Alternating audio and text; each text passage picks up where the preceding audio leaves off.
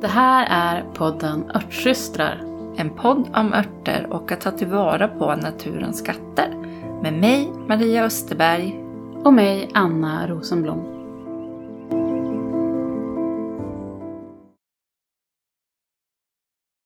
Hej Anna! Hej! Idag eh, har jag tänkt att vi ska prata lite om, vi skrev sportlovskrämpor. Ja, för nu börjar de ju rulla igång sportloven som ligger lite vid lite olika tillfällen. Ja. Beroende på var i landet man eh, bor. Precis, men träningsverken är densamma. ja, precis. Ja, men för det är ju så, det heter ju ändå sportlov. Och oavsett, jag vet inte hur det är för liksom, er som bor i Uppsalaområdet, men oavsett om man eh, har möjlighet att åka till fjällen eller inte så blir det ju ändå så att man liksom kommer ut och rör på sig lite mer än vanligt under sportlovsveckan. Ja, det gör man. Eh, Har man inte möjlighet att... När mina barn var små, då var det ju mer att vi typ åkte ut i skogen. Och, alltså, jo, men vi var mer ute, även Mm. fast vi inte bor i ett liksom, snölandskap. Uppe hos oss är det ju det är så himla roligt för att, jag vet inte, jag tror inte att det förekommer i resten av landet, att eh, under sportlovsveckan så pågår något som heter Piggelinjakten. Oj! Och det, ja, det, vänta ska du få höra. Det här är ju någonting som gjordes redan när jag var liten. Alltså, och det är nästan samma liksom, stenciler som man fortfarande fyller i de här poängen på. Och då är det under sex veckors tid som barnen liksom ska bocka av dag för dag hur, liksom, hur många poäng de har fått. Dels så får de i skolan när de är ute under rasterna och på gympan, men även hemma. Så att liksom, aktivitetsnivån brukar ju liksom höjas lite av att de, ska ut, de vill ut och, och samla poäng och så når det sin kulmen då under, under sportlovet. Okej, men det här är liksom ping resten av Sverige. Sätt igång med pingvinjakten. Ja, eh, det är lite på gott och ont det där. Eh, det ska ju liksom... Man ska hålla reda på den där lappen.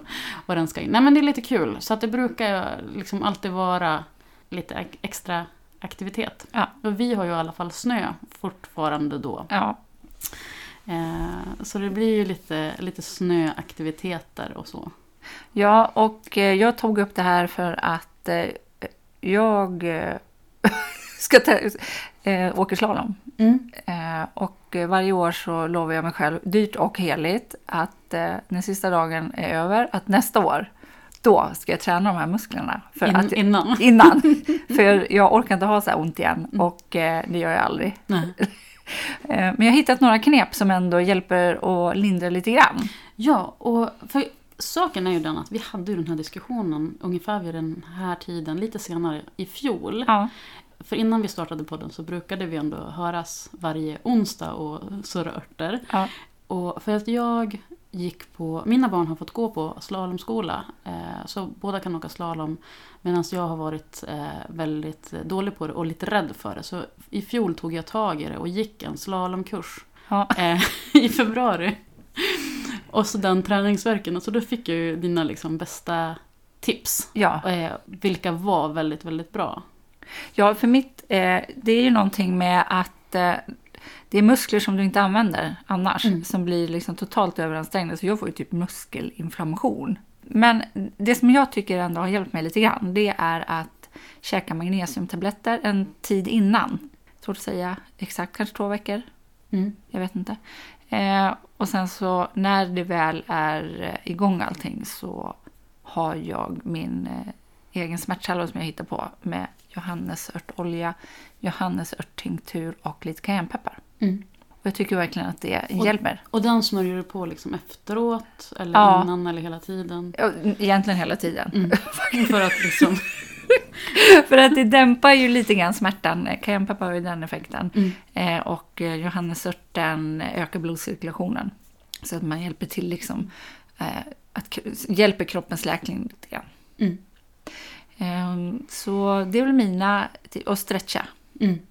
Ja men precis. Och jag liksom, eh, tog ju till mig det där förra året. Eh, särskilt magnesiumet tyckte jag var kalasbra. Eh, och sen stretcha, där så kör jag yin-yoga övningar. Och var ju...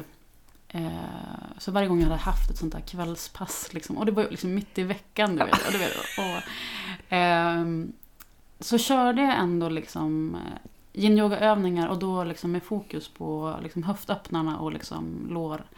Eh, vilket jag... Eftersom man, man stretchar ju inte i yin-yogan utan man liksom stannar i, i ställningen och ger det tid liksom och liksom slappnar av. Så att liksom, det blev en sån fantastisk återställare. Så att oftast liksom dagen efter så var jag ändå ganska bra. Att jag slapp det här liksom, Jesus jag kan inte gå. Nej. Eh, Jag får nog ta till mig det faktiskt. För jag, jag stretchar ju. mm, Men eh, jag glömmer bort det där med yin-yogan. mm, För du har ändå lärt mig. mm. Så det ska jag ta till mig och komma ihåg. Nej, för det är...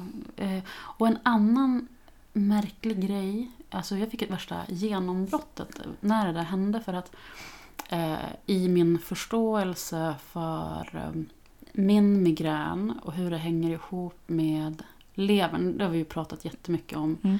Eller om det bara är jag som känner att jag pratar jättemycket om det. För att jag gör det i medlemstjänsten också och på Instagram.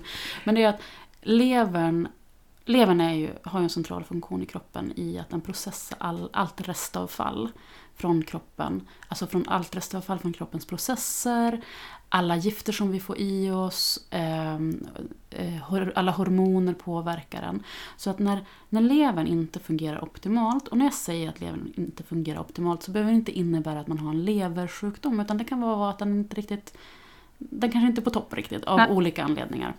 Eh, så på sikt så får ju det liksom följdeffekter eh, på andra kroppssystem. Och ur ett örtmedicinskt holistiskt perspektiv brukar man ju mena att eh, väldigt mycket vanliga sjukdomstillstånd som mm, hormonella besvär, mensrubbningar, migrän, astma, eh, utslag, alltså hudproblem har en liksom bakomliggande orsak i en lever Obalans. Mm. Så, och det här har jag ju varit lite medveten om tidigare. Att, liksom, att jag har vissa av de besvär som jag har haft de senaste åren, som, där många är, är, är ganska bra nu, att det har liksom hängt ihop med levern. Men nu blir det här en väldigt lång, lång, lång eh, eh, avvikare. Men det var något jätteintressant. För att jag hatar den här träningsverken. Så att jag, jag var verkligen så här att jag, jag la liksom en halvtimme, minst en halvtimme, oftast lite mer tid på yin-yoga efter. Även om jag- hade haft ett sent pass i backen på kvällen. För att jag visste att det hjälpte att jag inte fick träningsvärk nästa dag. Men då hade jag så otur att de här, för hos oss då när man går på en sån här kurs så är den intensiv att det är kanske det är under tre, fyra veckors tid och så är det liksom två dagar i veckan. Ehm, och då var ju liksom sista passomgången var ju när jag hade mens. Och när vi har mens så ska vi ju egentligen inte anstränga oss särskilt hårt utan då behöver vi liksom, ja, men gå in i inre vinter, vila, ta det lugnt. Men jag ville inte missa det här passet så jag åkte ju på det ändå. Då. Eh, och, och det gick jättebra. Men sen på vägen hem, alltså när jag liksom är, jag har kanske, jag tror att jag hann stänga av bilen men sen så får jag ju liksom en migränattack, liksom, en liksom aura. Och det är så typiskt liksom att där någonstans så hade, liksom, sa kroppen ifrån att nej men nu får det vara nog, nu måste du ta det lugnt. Ja. Och så, så bara, blir man ju frustrerad. Liksom, för alla vi som har migrän vet ju att det är game over. Det är bara att lägga sig och hoppas på en bättre dag imorgon. Ja. Men det var så här bara, ja men okej fine om jag ska ha migrän och jag vet att jag kommer att vara avslagen imorgon. Men jag vill banna mig inte ha träningsvärk. Nej. Så jag så här, om jag ändå bara, liksom, det enda jag kan göra nu är att typ ta eh, smärtstillande, ta min migräntinktur. Om jag ändå bara ska ligga ner, då kan jag lika gärna ligga i de där jäkla yin-yoga-ställningarna. Så jag körde mitt vanliga leverpass. Eller egentligen så körde jag mitt eh, sträcka ut benmusklerna, höftmusklerna. Men enligt traditionell kinesisk medicin så när vi gör höftöppnarna, de, då liksom triggar vi lever och gallblåsemeridianerna. Så det som händer när jag ligger där i en timme och kör igenom mina de här, för att jag kan ändå inte göra någonting. Så, och, och jag gjorde det verkligen i, så här, i en anda av kapitulation, liksom, att, och, vilket är liksom centralt inom yin-yogan, att det är då vi lyckas när vi bara slutar kämpa emot utan bara acceptera att Ja. läget är som det är. Då klingar den ju av. Nej. Så jag inser ju att det här är världens bästa strategi vid, liksom för Mm. mig personligen vid migränattacker, att inte bara ta medicin och gå och lägga mig, utan att göra eh, yin-yoga-övningar som går på levermeridianen. Eureka. Ja, eh, så det var... Eh, Den lång- det den långa- långa, lång- långa förklaringen. Nej men det var så... Och det där har, liksom, har jag ju tagit med mig eh, under året, vilket har ju liksom gjort att... Ja men dels insikten att inte pusha förbi liksom, när kroppen säger stopp när man har mens. Eh, skita i det som, måste göras, som man tror måste göras. Men också hur, hur verksamt det är att liksom lägga den där tiden på att sträcka ut de här musklerna i benen. Och många gånger så är det ju, vi har ju ett litet motstånd till det. För det är ju oftast, de, de är ju oftast de intensivaste stretchställningarna att göra. Ja, det är de smärtsammaste. Ja, och många gånger så är, handlar det också om att vi, det är där vi samlar på oss våran, våra aggressioner, våran ilska. Och att när vi gör de, de ställningarna så bubblar det där upp och, och släpps ut. Men det är liksom, det väcker mycket ilska och frustration när vi är inne i dem. Och de, de gör väldigt ont också. Ja. Sportlovskrämpor, Ja. utöver eh, träningsverken. Ja, då tänker jag ju kanske lite torr hud. Eh, för, förfrusen hud eller för Mm. kall Ja, hud. kalla händer. Kalla Händer händer. och fötter. Eh, och då pratar vi ju om, eh, för två avsnitt sen va? Eh, om enbärsolja. Ja. Eh, och jag tycker att de sådana barroljor eller enbärsoljor som eh, värm, skapar värme i huden genom att öka blodcirkulationen och få blodet att liksom genomströmma huden och att man får den här varma effekten. De är ju så perfekt på vintern när Mm. lätt blir liksom lite kalla. Och jag tänker också, i alla fall där jag bor i Örnsköldsvik och även längre norröver så är det ju många som eh, vars liksom, stora vinternöje är att åka skoter. Mm. Eh, och där tycker jag att det är perfekt med den typen av salver, att liksom man, man smörjer in händerna redan innan man ger sig ut. Och inte bara liksom när man kommer hem och redan är kall. Nej, du, och så fettet skyddar ju. Alltså det är ju, det finns ju ingen vatten i det här så Nej. du kan inte frysa. Nej, precis. Skulle man kunna ha det lite så på kinderna också? För jag kan lätt förfrysa mig precis där kindbenet ligger. Mhm. Ja, varför inte? Och så får jag liksom en röd... Säkert är det någon gammal skada Mm. Från när jag var liten. Så blir det röd och sen blir den vit. Och det går ganska snabbt. Så jag brukar... Ah. Så Det var någonting som jag slog av just nu. Att det Mm. kanske man kan eh, ha för att liksom öka cirkulationen där så att inte påfrestningen blir lika stor. Ja, precis.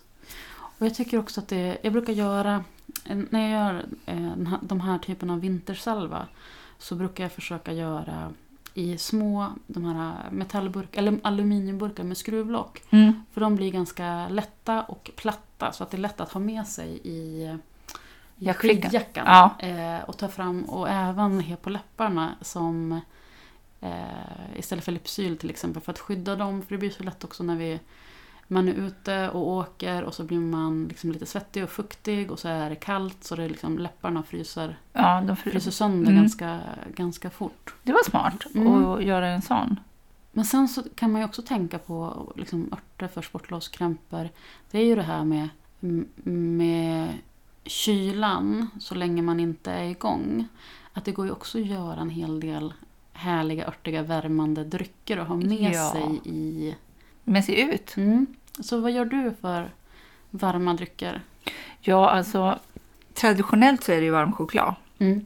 Men jag har börjat göra eh, chaga, eller alltså sprängticka. För Mm. det tycker jag smakar liksom lite sött och milt och vanilj. Och känns jättegott att dricka ute. Mm. Har du bara chaga då? Eller kryddar du upp med någonting annat? Nej, jag har bara chaga. För Mm. jag tycker den är så himla god som den är. Mm. Mm.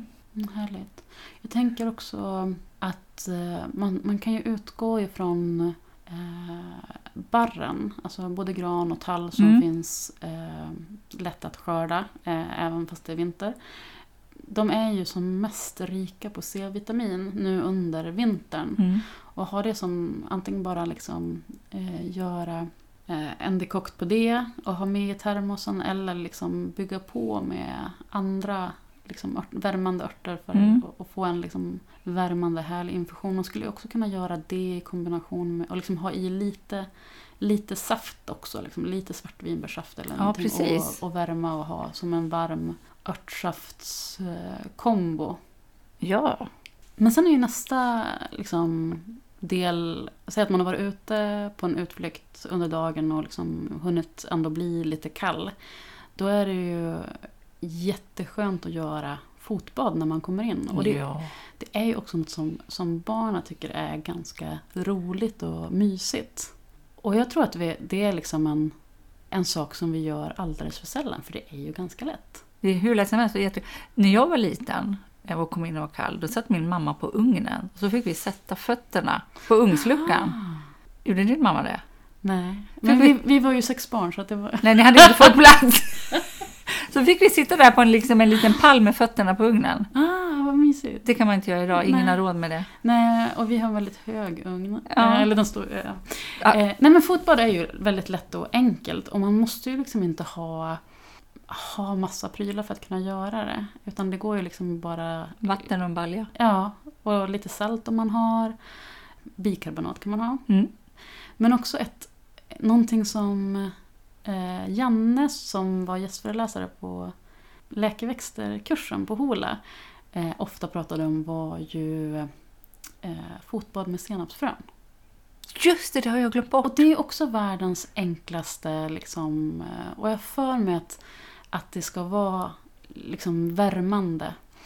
Och att fotbad i sig är ju också någonting som eh, är väldigt liksom grundande och att vi kan hämta hem oss själva när vi är liksom lite, lite stressade och behöver liksom landa. Eh, Men det är också väldigt mysigt. Det är väldigt mysigt. Eh, och då skulle jag säga fotbad utan elektronik. Mm. Varken tv Mm. eller telefon. Precis. Kan inte det vara veckans tips? Det var ju världens bästa tips. Faktiskt. Det blir veckans tips. Gör ett, unna dig och dina barn eller den du har i din närhet. Eh, lite samvaro med fotbad. Och man, skulle ju också, man kan ju också göra en liten, ett skogigt eh, fotbad genom att göra en dekokt på ja, lite gran eller tallbär, kanske några enbär som man mortlar. Eh, och så man hackar dem eh, eller mortlar dem lite grann och sen så häller man på kanske en liter vatten och låter det eh, sjuda under lock i en kvart, 20 minuter så att du har ett ordentligt utdrag. Och så häller du upp det, portionerar upp det i, i fotbaden och så fyller man på med Lagom lagom tempererat varmt vatten. Eh, om man vill kan man eller tillsätta salt om man vill ha lite sån, sån känsla i det också. Jättemysig Ja, afterski. det är afterski på riktigt. Mm. Veckans tips, ta ett fotbad. Men med det så är vi väl nästan eh, klara för idag va? Det är vi, men vi ses nästa vecka igen. Ja, det gör vi. Hej hej! Hej! Många frågar efter de recepten som vi nämner i podden. Därför har vi valt att samla våra favoriter och göra dem tillgängliga för er. Vi tar en liten slant för dem. Det är därför också ett sätt för dig att stödja podden. Länk till recepthäftet hittar du i avsnittsbeskrivningen. Du kan också stötta oss genom att följa podden i din poddapp eller gå till poddens programsida och skriva en recension. Tack för att du lyssnar!